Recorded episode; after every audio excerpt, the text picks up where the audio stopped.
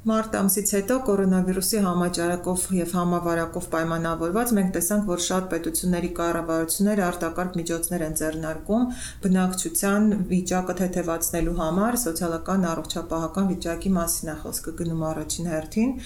Մենք տեսանք օրինակ, որ շատ երկրներում բնակիչների համար ժամանակավորապես ներվում են կոմունալ ծառայությունների վարձավճարները, որ միջոցներ են ձեռնարկվում, որպիսի այն բիզնեսները ու քաղաքացիները քաղաքացիները, որոնք որ վարկեր ունեին, կարողանան դրանք ուշ վճարել, որ մաքուր ջուրը հասանելի լինի բոլորին, որ հանրային առողջապահական համակարգը կարողանա վերահսկել նաև մասնավոր հիվանդանոցները եւ այլն։ Միևնույն ժամանակ վերջերս հետազոտողները ու լրագրողները ահազանգում են, որ հնարավոր է այս միջոցները հանգեցնեն պատասխանի արդեն կորպորացիաների կողմից եւ այն պետությունները, ովքեր որ ներդրող պետություն վեճերի կարգավորման մեխանիզմով ունեն կնքած ներդրումային պայմանագրեր, կարող են վտանգի մեջ հայտնվել եւ նրանց դեմ կարող են միլիոնավոր, միլիարդավոր դոլարների հայցեր ներկայացվել կորպորացիա ընկերությունների կողմից։ Այս էպիզոդում մենք Աննան եւ Արփինեն կխոսենք կորոնավիրուսով պայմանավորված այս իրավիճակի եւ ներդրող պետություն վեճերի կարգավորման մեխանիզմի հետ կապված խնդիրների մասին ու ինչ տենդենսներ գոյություն ունեն աշխարհում, ինչպես կարող են դրանք ազդել Հայաստանի վրա։ Աննա դու վերջերս հոդված էիր թարգմանել, որ Open Democracy-ում հրատարակվել էր եւ այնտեղ հետազոտողները հենց այս հարցի մասին էին բարձրաձայնում կպատմես։ Այո, եւ նպատակը նաեւ այս քննարկման, որ միասին ավելի մանրամասն վերլուծենք այդ հետազոտության արդյունքները, որովհետեւ հոդվածը ավելի լրագրողական ամփոփ հակիրճ տեղեկություններ է պարունակում։ Խոսքը պետություններին սպասվում է դատերի ալիք, որոնցով կորպորացիաները կվիճարկեն կորոնավիրուսով պայմանավորված արտակարգ միջոցառումները վերտառությամբ հոդվածի մասին է եւ ինքն էլ հոդվածը վերաբերվում է ուրեմն դրամ կանխիկացնել համաճարակից ավելի լայն հետազոտությանը բայց մինչև բուն այս հետազոտության մասին խոսելը ես կուզեի հիշեցնել կամ ուղղորդել ընթերցողներին եթե ընդհանրապես չգիտեն իրավական այս կարգավորման մեխանիզմի մասին, ինչպես դու նշեցիր, ներդրող պետություններ երկողմ ներդրումային պայմանագրերի մասին, առաջինը ընթերցել Սև Բիբարի հրատարակած շարքը, որի առաջին վերնագիրը այսպեսին է. իրավական ոչնչացման զենքեր Եվ դրանից հետո ծանոթանալով դրան, որտեվ մենք ավելի մանրամասն չենք անդրադառնա ընդհանրապես այդ սխեմային, լսել թե ինչ է սպասվում պետություններին եւ ոչ պակաս Հայաստանին, ինչպես դու ինքդ էլ ասացիր։ Այս հետազոտության մեթոդաբանությունն է կարևոր ու հետաքրքիր, որովհետեւ ընդհանուր եւ հոդվածը եւ հետազոտությունը խոսում են ակնկալվող նոր ալիքի մասին, բայց ինչն է այդ ապացույցը, որ դա տեղի կունենա, Հետազոտողները ուրախadir են եղել, թե ընդհանրապես այս տեսակ գործերով փաստաբանական իրավաբանական ընկերությունները համավարակի ժամանակ ինչ ակտիվություն են դրսևորել։ Փաստացի իրենք շատ ավելի ակտիվ են եղել։ Տեսել են, որ այս խոշոր ընկերությունները շատ դրանք բազմամիլիոնանոց ուրեմն բյուջե ունեցող իրավաբանական ընկերություններ են, որ իրենք կարծես կորպորացիաներին անընդհատ ինչ որ հիշեցումներ, ծանուցումներ են ուղարկում, հատուկ վեբինարներ են կազմակերպում մասնավոր սեկտորի համար եւ մասնավոր սեկտորին ներկայացնում են իրավական այս դաշտում գործող հնարավորությունները։ Եվ սա երևի էլ ամենամեծ զայրույթն առաջացնողն է, որ մի կողմից մենք տեսնում ենք եւ հանրությունը լայն իմաստով եւ մասնավորապես կառավարությունները ինչ ուղղակի խրված են, հա, կորոնավիրուսի ստեղծած իրավիճակի մեջ, այսինքն այդ խնդիրները լուծելու մեջ, բայց մյուս կողմից ականատեսն են լինում, թե փաստաբանական ընկերությունները ինչպիսի մեծ հրճվանքով, ուրախությունով փորձում են հավանական կլիենտներ ներգրավել եւ գովազդում են, այսպես ասած, այս նոր հնարավորությունը։ Գիտեք, ինչ ճգնաժամերը դրանք շատ լավ առիթ են պետություններին արբիտրաժային արբիտրաժային դատարաններում, ներդրումային այդ դատարաններում դատի տալու համար եւ հա հիշեցնում են, ասենք այն կրիզիսային ժամանակները, որը եղել է 2008 թվականին, դա տեղի ունեցել եւ իր վատթար հետևանքներով նույն Արգենտինայի դեմ այդ տարիներին տասնյակ կորպորատիվ, այսպես ասած, արբիտրաժային դատեր սկսվեցին արաբական գարունից հետո, այդ հեղափոխության ալիքից հետո արաբական երկրներում այսպիսի դատեր այդ պետությունների դեմ եղան։ Նենց որ ճգնաժամի ժամանակ միշտ ինչ որ հարուստներ կամ կորպորացիաներ շահույթով են դուրս գալիս, դա շատ վատ է։ Ու հետաքրքիր է, որ իրենք ասում են, որ իրենց կոչերը կամ գովազները ուղղված չեն միայն կորպորացիաներին, որ իրենք պատրաստ են նաև պետություններին օժանդակել, բայց ակնհայտ է, որ պետությունները պաշտպանվողի դերում են հանդես գալու, որովհետև ինքը այդ մեխանիզմը, որին կարճ ISDS ենք մենք ասում, ներդրող պետություն երկու վեճերի կարգավորման մեխանիզմ, դա մի մեխանիզմ է, որը որ օգտակար է բացառապես ընկերությունների համար եւ վերջին տարիների ընթացքում եղել են արդեն ավելանում են դեպքերը, որ միլիարդից ավելի փող են կարողացել կորզել պետություններից, կորպորացիաները ընդ որում ոչ թե միայն իրենց կրած վնասների համար, այլև ապագայում սպասվող եկամուտները չստանալու համար։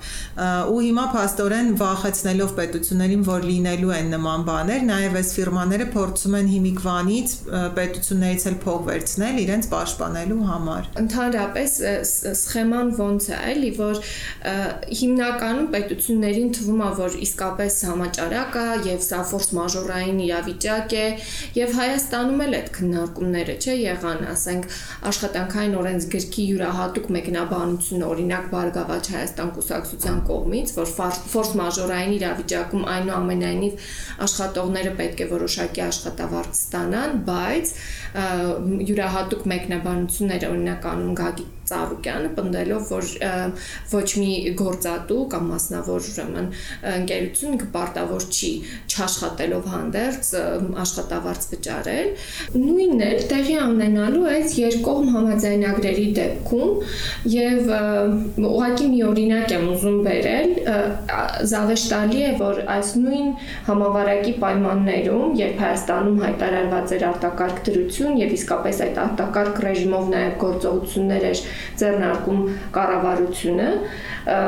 նույն կառավարությունը պարլամենտ ուղարկեց Հայաստան-Սինգապուր ներդրումների պաշտպանության մասին երկկողմ համաձայնագիրը, Եվ այդ համաձայնագիրը առանց որևէ քննարկման վավերացվեց, կոճակը սեղմեցին падգամավորները եւ վավերացրին, բայց ինչն է ամենազավեշ տալին, հա, այս պատմության մեջ, որ ֆինանսների նախարարությունը գրել էր, որ Քանի որ պայմանագիրում գրված է, որ ֆորս մաժորային իրավիճակներում լինեն դրանք ջրհեղեղներ, բնական աղետներ, չգիտեմ, երկրաշարժներ եւ այլն, պատերազմական իրավիճակներ, ներքին խռովություններ եւ այլն եւ այլն, այդ պայմաններում, քանի որ պետությունը ստանձնում է ապահովել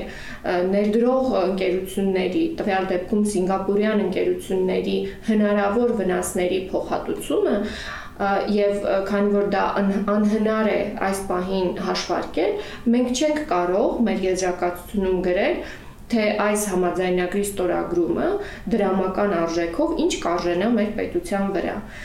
Մի կողմից ֆինանսների նախարարությունը անկեղծորեն ընդունում է, որ իրենք չեն կարող հաշվարկել, որովհետև իսկապես դա անհաշվելի է, բայց մյուս կողմից ուր են նույն падգամավորները, որ այս փաթեթը ստանում են եւ օրենքը համաձայնագիրը, հա, որպես օրենք ընդունելուց առաջ պարտավոր էին ծանոթանալ գոնե ծանոթանային հենց այս եզրակացության հետ, որ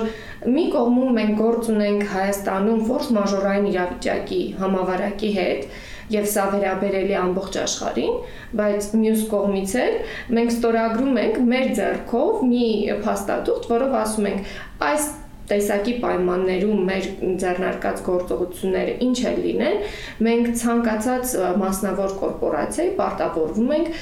իրենց ծախսերը փոխհատուցել։ Միշտեր կներեք ամբողջ պետություններ են, ամբողջ տնտեսություններ են վնաս կրում։ Ինչու պիտի օտար երկրյա ընկերությունը շատ ավելի արտոնյալ դիրքում լինի, քան ցանկացած այլ ընկերություն ներսի հատկապես տվյալ երկրում գրանցված ընկերությունները։ եւ ակնհայտ է հերթական անգամ դառնում, որ եւ որպես համաձայնագիր, այսինքն իրավական մակարդակով սա անարդար է եւ նաեւ այս պետությունների միջև հարաբերությունների իմաստով է անարդար, որովհետև ինչպես գիտենք, Հայաստան Հայաստանը չի որ գնալու Սինգապուրում ներդրումներ անի, հայաստանյան ընկերությունները չեն որ այդ ներդրումների պաշտպանությունից օգտվելու են։ Բնականաբար ավելի զարգացած, ավելի հարուստ երկրների կորպորացիաները զարգացող ավելի աղքատ երկրներում գործունեություն վարելու դեպքում այսպիսի ահռելի պաշտպանության եւ մեխանիզմների տակ է ներառված լինում։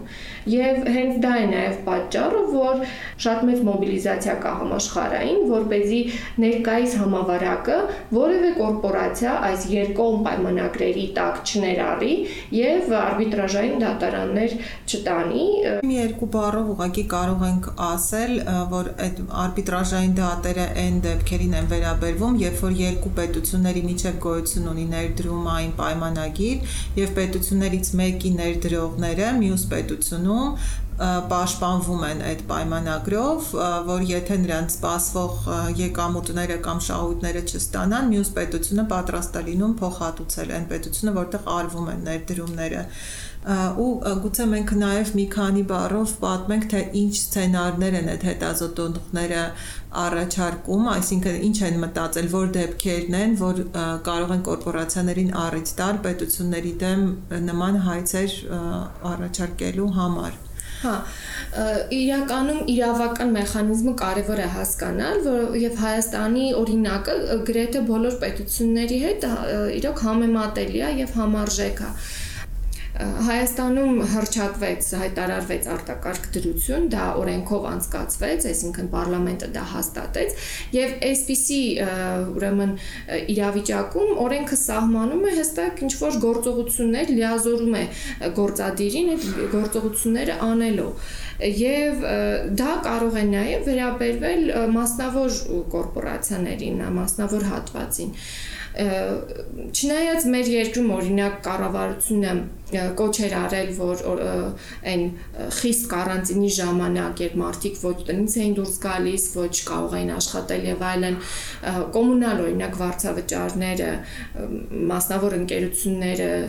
որպես պարտք չհամարեն, դույժի չենթարկեն եւ չկտրեն, եթե դրանք չվճարվեն, հա, այդ ծառայությունները չդադարեցնեն, բայց միևնույն ժամանակ մեր պետությունը ավելին չկարողացավ անել, միգուցե հենց նաև այդ վախից ելնելով։ Ինչու, որովհետև մեր բոլոր կոմունալ ծառայությունները խոշոր ահռելի խոշոր տրանսնացիոնալ կորպորացիաների են պատկանում կամ նույն Գազպրոմին, որը պետական հսկայական հիմնարկ է ռուսական։ Ստացվում է իրավիճակ, որ օրինակ կառավարությունը կոչ է անում բոլորին, որ պետք է լվացվեն, որ համաճարակի պայմաններում մաքուր ջուր ունենալը, լվացվելը դա տարրական ամենակարևոր պայմանն է առողջության տնտեսությունը քիչ թե շատ պահպանելու եւ վարակը վարակի փոխանցումը նվազեցնելու, բայց բազմաթիվ համայնքներ կամ ռեժիմով են ստանում ջուր կամ ընդհանրապես ջուր չունեն եւ սա միայն Հայաստանի մասին չի։ Հայաստանում եթե մենք ունենք մի քանի 100 համայնք, որտեղ հիմնական գյուղական համայնք, որտեղ մարդիկ ջուրը կրում են եւ չունեն ջրի հասանելիություն, աշխարհի տարբեր երկրներում շատ խիտ բնակեցված ահռելի մեծ մեգապոլիսներ են այդպիսի վիճակում։ Եվ օրինակ կարող ենք բերել, ասենք Էլ Սալվադորում կամ Բոլիվիայում, որտեղ էլի ջրային ծառայությունները մասնավորեցված են, պետության ուրեմն հրաման է եղել, որ เป զի կամ այսպես ասած հովհարային դաթարումներ ընդհատումներ տեղի չունենան, այսինքն ջուրը անընդհատ հասանելի լինի, կամ որ เป զի ընկերությունները ինչքան համավարակը տևում է, այդ տևողությամբ անկախ վճարել են սպառողները թե չէ, չկտրեն այդ մարդկանց ջուրը շատ հստակ այս իրավաբանական ընկերությունները ընդգծել են իրենց գովազդող նյութերում, որ սրանք արդեն լավ առիթներ են պետությունների դեմ դատարան գնալու։ Խոսքը այս միջազգային զուգահեռ կոչվող ոչ լեգիտիմ դատարանների մասին է։ Այդ մի սցենարը բահական բանի կողմի մասին կարող ենք ասել, որ օրինակ Իսպանիայում մենք տեսանք երևի թե առաջինը, երբ որ համաճարակի այդ պիկի ժամանակ գերց արաբեռնված էին հիվանդանոցները Իտալիայում նույնպես այդպիսի վիճակ էր որ հանրային հիվանդանոցները գերց արաբեռնված էին եւ կարող են մեն սпасարկել միայն ծայրահեղ վիճակում գտնվող մարդկանց ուրիշ հիվանդների անգամ չէին ընդունում իսկ մասնավոր հիվանդանոցներում դատարկ դատարկություն դա բազմաթիվ անկողիներ, մահճակալներ, որտեղ հիվանդներ չկան, բժիշկների ազատ են եւ այլն, եւ պետությունը որոշում ընդունեց, որ ինքը կարգավորելու է մասնավոր հիվանդանոցների գործունեությունը, այսինքն պետությունն որոշելու, որ հիվանդանոցը ինչ հիվանդներ կընդունի եւ ինչպես կաշխատի մասնավոր հիվանդանոցները հիվանդանոցները, որոնք որ միջազգային կորպորացիաներ են, ոչ թե օրինակ իսպանական ընկերություններ, իրանք նույնպես կարողահարկ համարեն, որ զրկվել են օգուտներից եւ օրինակ այս մեխանիզմից օգտվելով դա դիտալ կառավարությանը։ Իհարկե Իսպանիան միակ դեպքը չի, հիմա Հայաստանում օրինակ նույնպես քննարկվում է այս նմանատիպ քաղաքականության անցնելու հարցը, ուղղակի Հայաստանում, չգիտեմ, միջազգային կորպորացիաներ տնօրինում են հիվանդանոցները թե չէ, հավանաբար ավելի շատ տեղական բիզնեսների կողմից են մասնավորեցված։ Այդ նույն սխեմայով կարող են վնաս կրել տեղական, ասենք, հյուրանոցները։ Օրինակ մենք Հայաստանում էլ այդ շատ ակնհայտ էր մեզ համար, երբ օրինակ պետք է սկզբի շրջանում մարդկանց իզոլացնել, պետությունը օգտագործում էր ինչպես պետական սեփականության տակ գտնվող հյուրատնային կամ հյուրանոցային ինչ որ օբյեկտներ, այնպես էլ մասնավորներ է, այն ժամանակ խոսում են նրա մասին, որ նույն ծաղկաձորում, չգիտեմ իհարկե անունները, կամ Դիլիջանում ինչ որ սեփականատերեր հոժարական ձևով իրենք տրամադրել են որպես իրենց օգնությունը պետությանը, բայց պատկերացրեք, որ եթե պետությունը վերցրած լիներ մասնավոր արտասահմանյան հյուրանոց եւ հիմա Հայաստանում այդ արտասահմանյան հյուրանոցը պետությանը դատի տա, ասա, ասի դուք այսքան ժամանակվա կտրվածքով կամ A ինձ կտրել եք եկամուտներից կամ B իրականացրել եք ազգայնացում եւ այլն եւ այլն իմ կամքին հակառակ, ինչ անարդար է տեղացի հյուրանոցի տերերի նկատմամբ, ասենք այդ մարդիկ բոլոր բոլորս ենք նույն նավի մեջ փաստացի, բոլորս ենք տույժեր կրում, բայց արտասահմանցի արտասահմանյան կորպորացիաները շատ ավելի պաշտպանված են ու փաստացի այս միջազգային պայմանագրերի սխեման է դա իրենց համար ապահովում Նույնիսկ օֆշորում գրանցված բաները, ընկերությունները, օրինակ եթե բիզնեսներին օժանդակություն է ցույց տալիս պետությունը, դրանց օգտվել են նաև տարբեր օֆշորային ընկերություններ, հետո պետ որոշ կառավարությունները տեսնելով այս իրավիճակը սահմանափակել են օգնությունը, որպեսզի առնվազն օֆշորային տարածքում գրանցված ընկերությունները չկարողանան պետական աջակցությունից օգտվել, որտեղ իրանք արդեն իսկ հարկային դրախտներում են գրանցված, հարկեր չեն վճարում ու հայտնի չի թե ում են պատկանում անում այդ ընկերությունները ու հետաքրքիր է նաև խոսել թե ինչեր են կատարվում աշխարհում դիմակայելու համար այս երևույթներին օրինակ մենք կարդացինք վերջերս 600-ից ավել կազմակերպությունների միջազգային, ըհը, բացնամակը որ որ ուղված էր պետություններին եւ կոչեր անում քայլեր անել, որպիսի այս մեխանիզմը հնարավոր չլինի կիրառել Իհարկե մենք այդքան էլ վստահ չենք թե ինչպես կարող ասա տեղի ունենալ այդ բացնամակը կարդալուց այդքան էլ դա հասկանալի չէր, բայց ամեն դեպքում բոլոր պետությունները կարծես թե վտանգված են այս կամ այն չափով, այդ թվում են պետությունները, որոնց ընկերությունները սովորաբար ներդրող են լինում ուրիշ երկրներում օրինակ Արևմտյան Եվրոպայի կամ Ամերիկայի, Հյուսիսային Ամերիկայի պետությունները ու բավականին մեծ շարժում է հիմա աշխարհում զարգանում մասնավորապես օրինակ հարավային Ամերիկայի երկրներն են շատ ակտիվ, որոշ ասիական եւ աֆրիկյան երկրներ են շատ ակտիվ, որբիսի հնարավոր լինի պետություններին ու ժողովուրդներին պաշտպանել կորպորացիաներից, նաեւ բարձրացնում են այն հարցերը, թե ինչու են համավարակի համար վճարում պետությունները օրինակ, այլ ոչ թե կորպորացիաները, որոնք որ ահրելի փողերի են տիրապետում, բայց որոնք իրանք ոչ մի բան չեն վճարում կրիզիս կրիզիսային իրավիճակում ընդհակառակը իրենք մի բան էլ կարողանում են ավելի օգուտներ քաղել կրիզիսային իրավիճակից ու այս հարցերը շատ կարևոր են իրականում, որտեղ մենք անընդհատ գնում ենք ասում ենք պետությունը թող մեզ օգնի եւ այո պետությունը ոնց որ պարտավոր է այդ քաղաքացիներին օգնել, բայց մենք մոռանում ենք հաշվետվողականության հարց բարձրացնել այն ընկերությունների նկատմամբ, ովքեր որ տասնամյակներ շարունակ միլիարդներ են օգտվում իրանց բիզնես գործունեությունից ամբողջ աշխարհով մենք ասենք մարդիկ իրոք այդ հարցերը տալիս են ասում են դե գիտեք ինչ ասենք նույն Amazon-ը ասենք Jeff Bezos-ը այտենց շատ հերանեկարային բիզնեսմեն է եղել կարողացել է լավ արել կառուցել է բայց ինքը լավ չի արել որ կառուցել է այդ ահռելի կայսրությունը բիզնես այն առումով որ ինքը խարդախ ճանապարհներով է դա արել այն այն ամեն ինչը ինչը ինքը արել է շուկայից իրենց մրցակցությունից իրեն մրցակիցներին դուրս մղելու առումով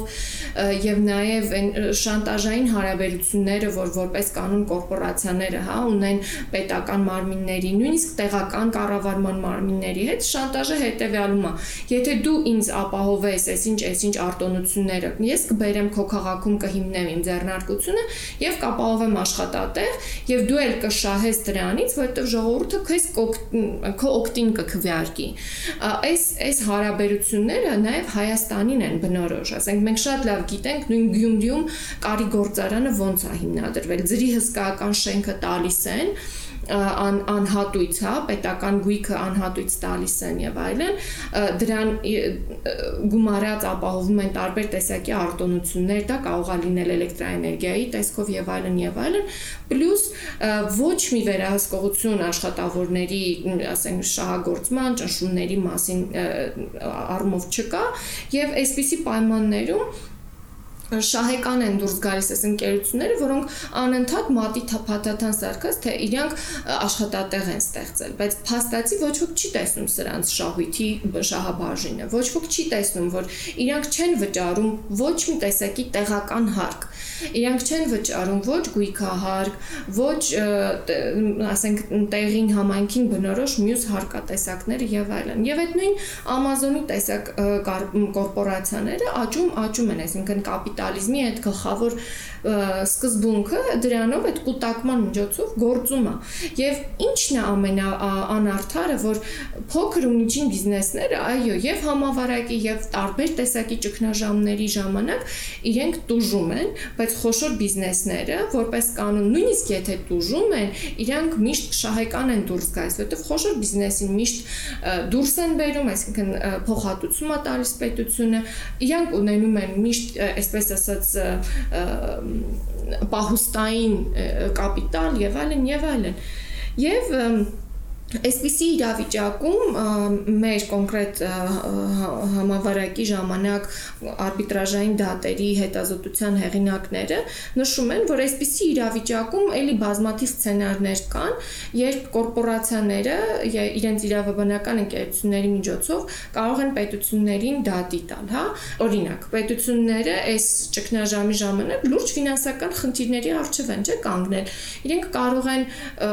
օրենքներով կամ ինչ-որ որոշումների միջոցով արգելափակել կապիտալի արտահոսքը։ Դա ահավոր կարևոր բան է շատ պետությունների համար, որովհետև, ասենք, չգիտեմ, նույն բիզնեսմենները ռիսկային են համարում այս համաճարակի վիճակը ու իրենց կապիտալը հանում են, տանում են էլի օֆշորում են պահելու դնում շատ բնական է որ ցանկացած պետություն պիտի կարողանա խելամիտ ողջամիտ որոշումներ ընդունի բայց Փաստը ցույց է տալիս, որ օրինակ կապիտալի արտահոսքը կանխարգելող որոշումները պետությունների համար ռիսկային են, որովհետև ինչ որ մի բանկ կամ ինչ որ մի կորպորացիա, որը ըստեղ փող է պահում, կարող է դատի տալ արբիտրաժում, ասի, այ դու օրինակ ազգայնացրիր կամ չգիտեմ, իրանք ունեն այդ պայմանագրերի մեջ ունեն այդ համապատասխան կետերը, դրույթները, որոնցով գնում են պաշտպանության։ Անկամ մի հատ կետ կար, սցենար կար, որը ասում են հիմա պետությունները շատ դեպքերում հարկերը նվազեցրել կամ կրճատ կամ ընդհանրապես վերացրել են որոշ գործունեությունների համար, որpիսի հնարավորություն տան շնչել բիզնեսներին, քաղաքացիներին, բայց Հավանաբար, երբ որ համաճարակային իրավիճակը վերջանա, հարկերը կբարձրանան ու հիմա քաղաքացիների մոտ պահանջներ կան շատ տեղերում բարձրացնել մանավանդ հարուստ կորպորացիաների հարկերը եւ այս իրավաբանական ընկերությունները հիմիկվանից կոչ են անում ընկերություններին պատրաստվել, որ հենց իրենց հարկերը բարձրացնեն պետությունները, իրենք նորից կարողանան դատական գործեր հարուցել այս արբիտրաժային դատարաններում։ Այս սցենարների մեջ կան նաև, ասենք, դեղամիջոցներ իրավիճակներին վերաբերող, ասենք պատենտավորման հետ կապված իրավիճակներին վերաբերող սցենարներ մենք շատ լավ գիտենք, որ մանավանդ առողջապահական ճգնաժամի ժամանակ դեղագործական խոշորագույն ընկերությունները, որոնք ունեն այդ ռեսուրսները կամ նոր դեղամիջոց ստեղծելու կամ նույնիսկ նույնիսկ абսուրդային բաներ կային, որ նույն գովերքված, բայց իրականում սխալ դուրս եկած դեղամիջոցը հիդրոքսիկլորոքուին կոչված ստացվածը, որը 50-ականներին բացահայտված հայտնագործված դեղ է, որոշ երկրներում սկսեցին պատենտավորել, որ абսուրդ է, որտեղ սա ընդհանրական դեղամիջոց է, ու ասենք ցանկացած ընկերություն կարա արտադրի, բայց նոր նույնիսկ նոր, հա, բաների դեպքում, դեղամիջոցների դեպքում ասում էին ժողովուրդները, հա, պետություններում ապրող հանրությունը բան ասում են պետքա հանել պատենտավորման այդ խիստ կարգավորումները, որ เป զի ավելի արագ դեղամիջոցի եւ գրանցումը եւ օգտագործումը եւ նաեւ մատչելիությունը ապահովի։ Եվ իհարկե սա էլ էլի մի հատ սցենար է, որը կարող են կորպորացիաները այս դեպքում դեղագործական օգտագործել պետությունների դեմ։ Եվ Հայաստանին այս սցենարներից անշուշտ ամենաշատը վերաբերելի են կոմունալ ծառայությունների հետ կապված ուրեմն ընկերություններ։ Մենք ունենք խոշորագույն ֆրանսիական տրանսնացիոնալ կորպորացիան Veolia-ն Հայաստանում, մենք ունենք Gazprom-ը, որի հետ պայմանագիրը մի այլ տեսակի այլանդակ քանդակությունը եւ ոչ թե միայն զուտ ներդրումային պայմանագրի տակ անգնում եւ մենք ունենք առողջապահության այդ համակարգի մեջ ընկերություններ միգուցե նաև հյուրանոցներ կարող է այստեղ ներգրաված լինեն, բայց կասկածում եմ, որ Հայաստանին դա վերաբերվի։ Այնպես որ դա շատ ակտուալ թեմա է։ Եվ ցավոք Հայաստանի քաղաքական, այսինքն քաղաքական ուժերի, այդ թվում կառավարության եւ ԱԺ-ում ներկայացված մեծամասնության կողմից այս թեմաները չեն քննարկվում։ Մենք շատ կուզենք, որ հանրության մեջ այս թեմաները շարունակվեն քննարկվել եւ ավելի մեծ ծավալով քննարկվեն։ Մարդիկ երևի մենք չենք էլ իմանա այս մեխանիզմների մասին, եթե ամուրսարի դեպքը չլիներ ու Լիցիանը չսպառներ Հայաստանին արբիտրաժային դատարաններ տաներ, բայց այդտեղից փորելով փորելով տեսանք, որ սա ոչ միակ դեպքն է, ոչ էլ առաջինն ու վերջինը, եւ շատ կարեւոր է, որ իրոք Հայաստանի հանրությունը սկսի պատկերացում կազմել թե ինչ են այդ ներդրումային բաները, պայմանագրերը մեր գլխին կախում ու նաև շատ կարևոր է որ ազգային ժողովում քննարկումներ սկսվեն դրա շուրջ ու օրինակ այդ նամակը, որի մասին մենք խոսեցինք, բաց նամակը, որ 600-ից ավելի կազմակերպություններ, արհմիություններ ստորագրել էին ամբողջ աշխարհում, կոչ էր անում այդ հիմնական պահանջների մեջ նաև չստորագրել այլևս այս շրջանում հատկապես ոչ մի երկում պայմանագիր ներդրումների մասին պայմանագիր իսկ Աննան նոր ասաց, որ Հայաստանը հենց մի քանի շաբաթ առաջ նոր պայմանագիր ստորագրեց, այնել արտակարգ իրավիճակներում ոչինչ չփոխող, այսինքն ու նաև այս նամակով օրինակ կոչ էին անում, որ քննարկվեն կամ առնվազն որոշումներ ընդունեն պետությունները, որ համավարակի հետ կապված ոչ մի գործով պետքա կորպորացիաները իրավունք չունեն անպետություններին դատի տալու։ Ու ինձ համար համեմատելի է Հայաստանում բավականին շատ խոսվում է հայ-ռուսական ուրեմն պայմանագրի մասին, որը վերաբերում է գազի մատակարարմանը եւ էլի ինքը միշտ ակտուալ է, որովհետեւ իսկապես հայտնի արտահայտություն օգտագործելով, ասեմ, վասալային պայմանագիր է, բայց ոչ մի քննարկում այդ նույն կա կազմակերպությունները կլինեն, փորձագետներ կլինեն, թե ինչ, ոչ մի ձևով չեն անդրադառնում ներդրողների պաշտպանության այս երկկողմ միջազգային պայմանագրերին։ Այս այս ամենը կարևոր որտեղ ինչպիսի պայմանագիր հայ Հայաստան-Ռուսաստան գազին վերաբերող պայմանագիրն է, երևի դրա նման վասալային եւ շատ վտանգավոր եւ շատ ահավոր կախվածության մեջ եւ վախի մեջ գցող պայմանագրեր են այս ներդրումային պայմանագրերը, այնպես որ այն ինչ մենք հիմա քննարկում ենք խիստ ակտուալ է Հայաստանի համար։ Կարող եք ավելին կարդալ հոդվածում, որը թարգմանել ենք եւ այդտեղ նաեւ հողումներ կտեսնեք հիմնական հետազոտությանը։